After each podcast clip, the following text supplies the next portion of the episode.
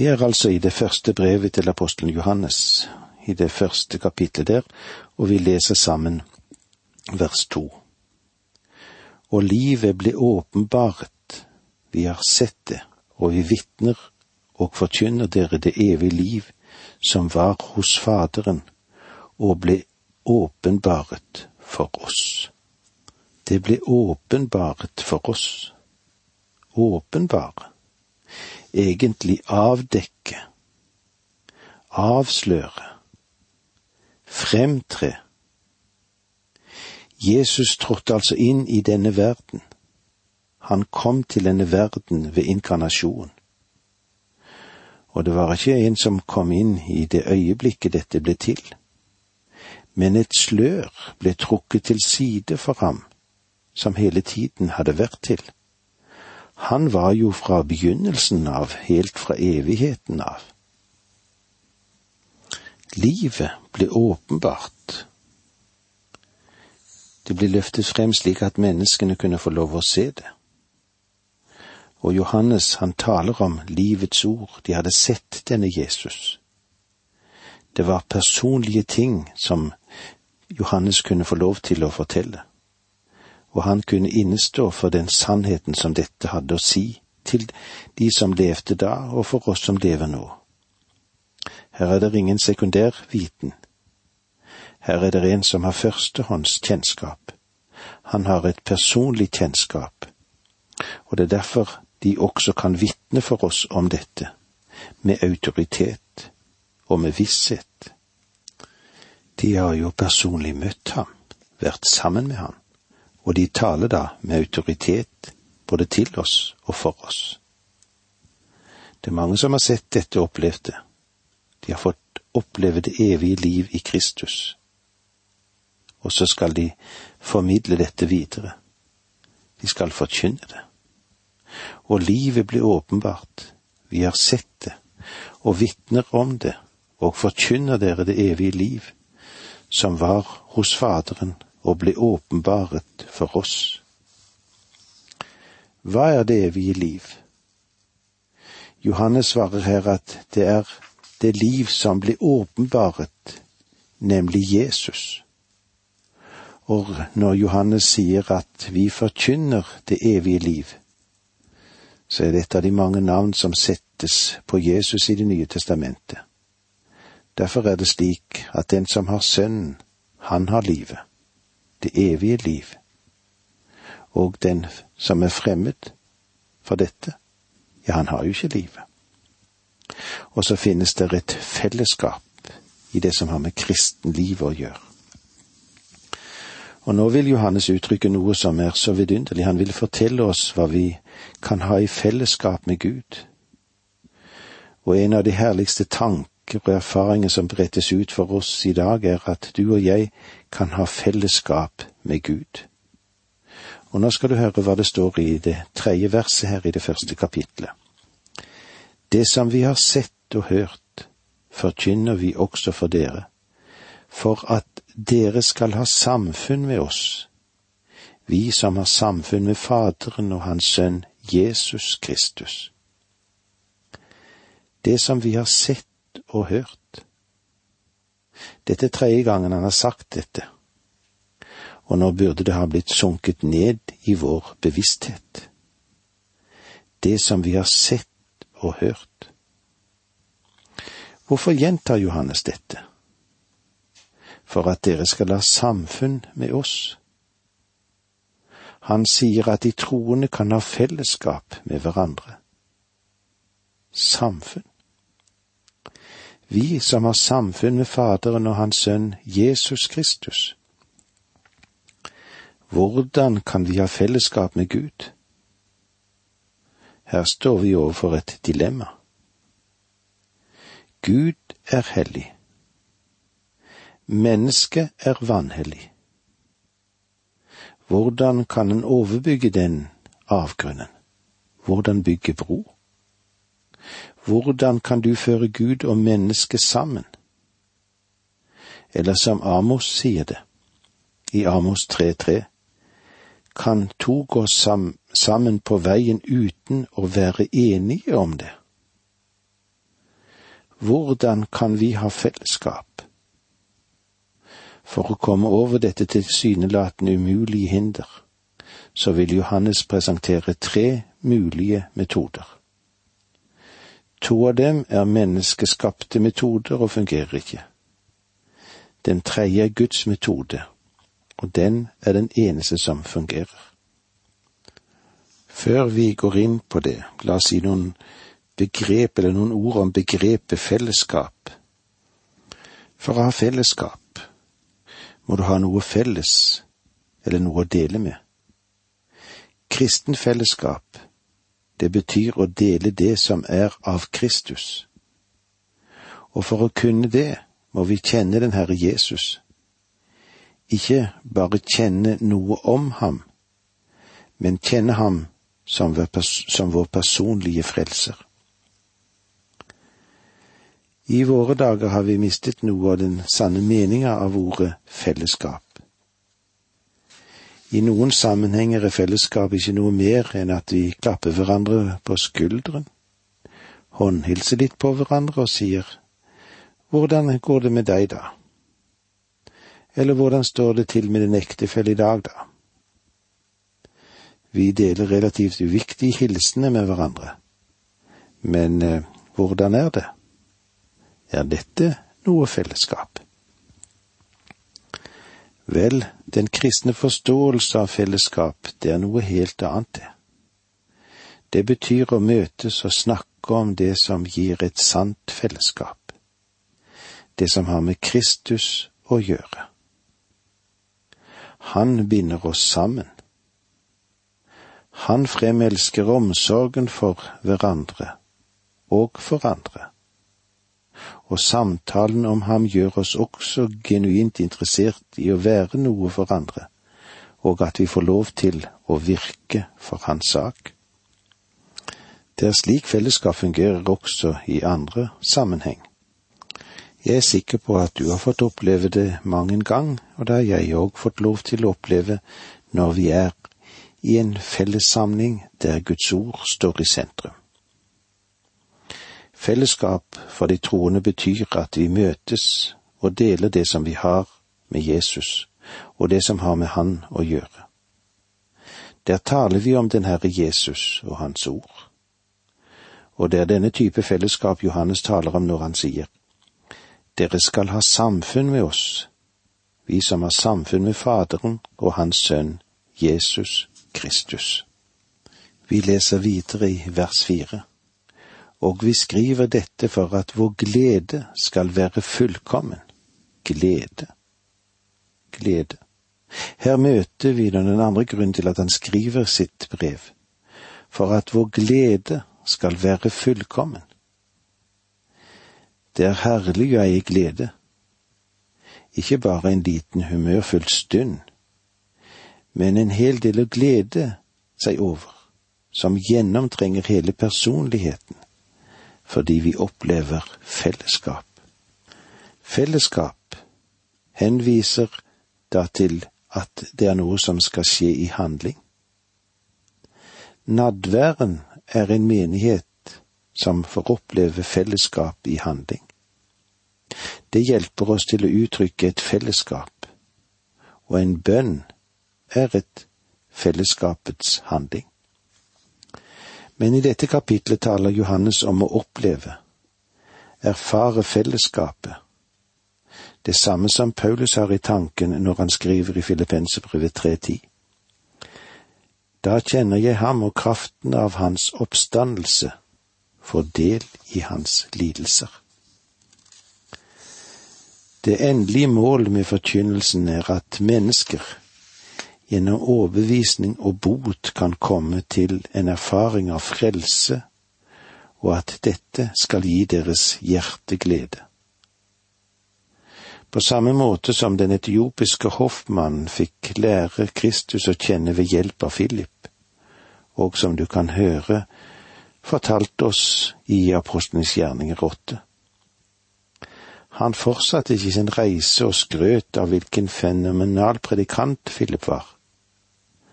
Han dro sin vei med glede. Hvorfor? Fordi han hadde lært Kristus å kjenne. Og hensikten med Johannes sitt brev er at du og jeg sammen kan dele disse underlige og vidunderlige sannheter som angår Kristus, så Guds ånd kan ta det som hører Herren og Faderen til, og levendegjøre det på en slik måte for oss at vi har fellesskap med hverandre, det dypeste og vakreste fellesskap. Og med disse ord må vi si takk for nå, må Gud være med deg. Dette undervisningsprogrammet består av to deler. Åge Nevland fortsetter nå med andre del av dagens undervisning. Vi er i Først Johannes brevet. Vi er ganske i begynnelsen av dette brevet, og vi vil se på forskjellige sider som er til nytte og til gavn for oss. Og nå leser vi sammen det femte verset i det første kapitlet i det første brevet her. Dette er det budskap vi har hørt av ham og forkynner dere. Gud er lys, i ham finnes det ikke mørke. Nå vender vi tilbake til det problemet som jeg nevnte litt tidligere. Johannes har sagt at han har skrevet dette, slik at vi skal ha fellesskap, og for at gleden skal være full og hel og denne glede vil selvfølgelig være fullstendig når vi har fellesskap med Gud. Men det er et hinder som må overkommes. Johannes peker på et virkelig dilemma som hvert Guds barn må ha klart for seg. Den muligheten at et menneske kan ha fellesskap med Gud, det er en herlig sannhet. Men vår vårt håp det settes øyeblikkelig på den ytterste prøve når vi står overfor det dilemma som Johannes peker på her i det femte verset. Dette er det budskap vi har hørt av ham og forkynner dere.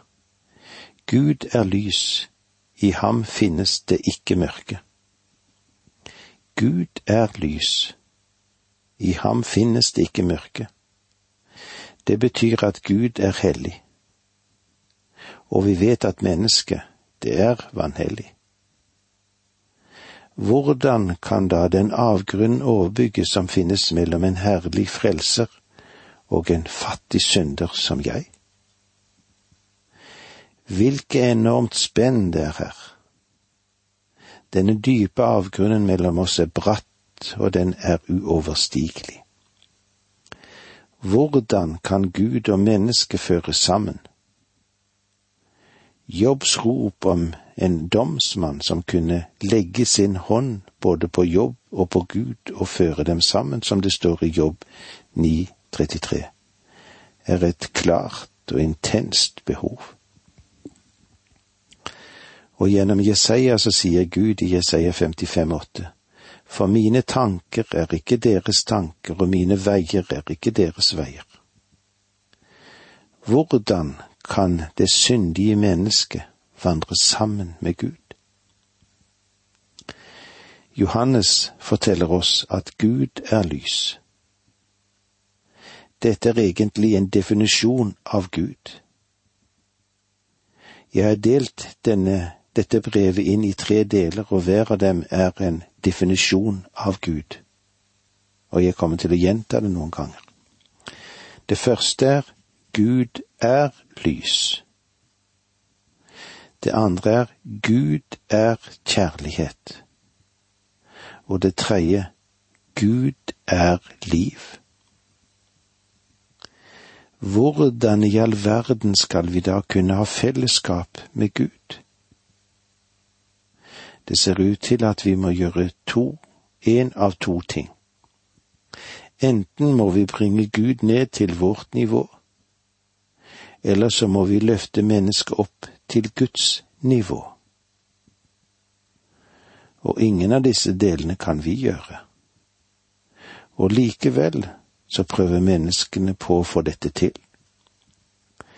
Johannes han viser oss til det umulige i den første setningen og gir oss en stor definisjon av Gud. Gud er lys.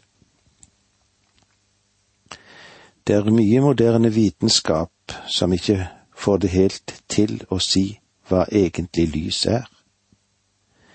Er lys energi? eller er det materie? Hva er lys?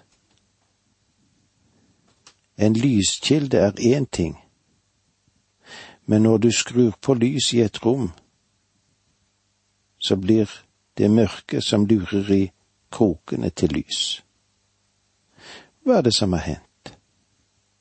Hva er det som strømmet frem mot kroken og drev ut mørket? Eller ble mørket egentlig drevet ut? For det er jo samtidig slik at når lyskilden skrus av, vender mørket tilbake igjen i krokene. Hva er lys? Vel, når Johannes sier at Gud er lys, så åpenbarer han mange sider av Guds person.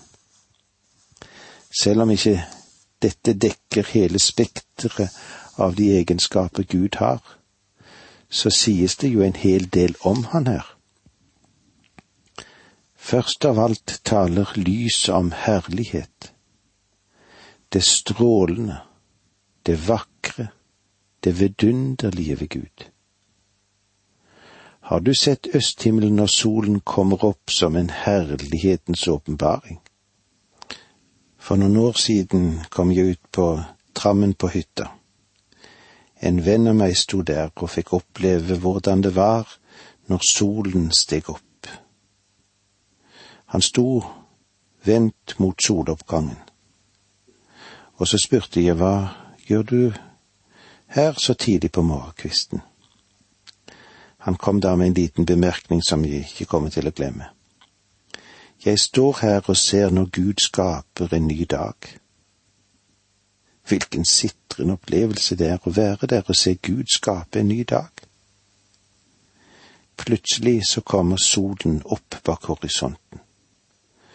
Solstrålene trengte seg frem til oss, en bunt av herlighet. Jeg hadde fått oppleve soloppgangen. Senere på dagen fikk jeg oppleve solens varme stråler. Gud er lys. Hvilken skjønnhet, hvilken stråleglans og hvilken herlighet. Ja, Gud har mye å gi oss, men mest av alt er det å få se dybden inn i det Han har skjenket oss gjennom Jesus Kristus. Et annet karakteristisk trekk ved lyset er at det selv er åpenbarende. Lyset kan ses, men det skjuler seg selv. Det eliminerer mørket. Det avslører og åpenbarer. Ved det kan jeg se mine hender. Med lyset kan jeg lese en bok. Lyset gir meg klarhet i om mine hender er skitne, om jeg må vaske dem. Hadde det ikke vært for lyset, ville jeg ikke ha sett jorden. Lyset, det åpenbarer både brister og urenhet. Det er vel kanskje dette som har fått doktor Schäffer til å skrive. Hemmelig synd her nede er åpen skandale i himmelen. Våre synder, hva med dem? De står rett foran han, for Gud er lys. Lyset taler også om Guds hvite renhet og hans uflekkede hellighet. Gud beveger seg uten å skape en skygge fordi han er lys. Gud er ren. Solens lys er faktisk jordens kataris, renselsesprosess. Den eh, gir ikke bare lys, den renser også.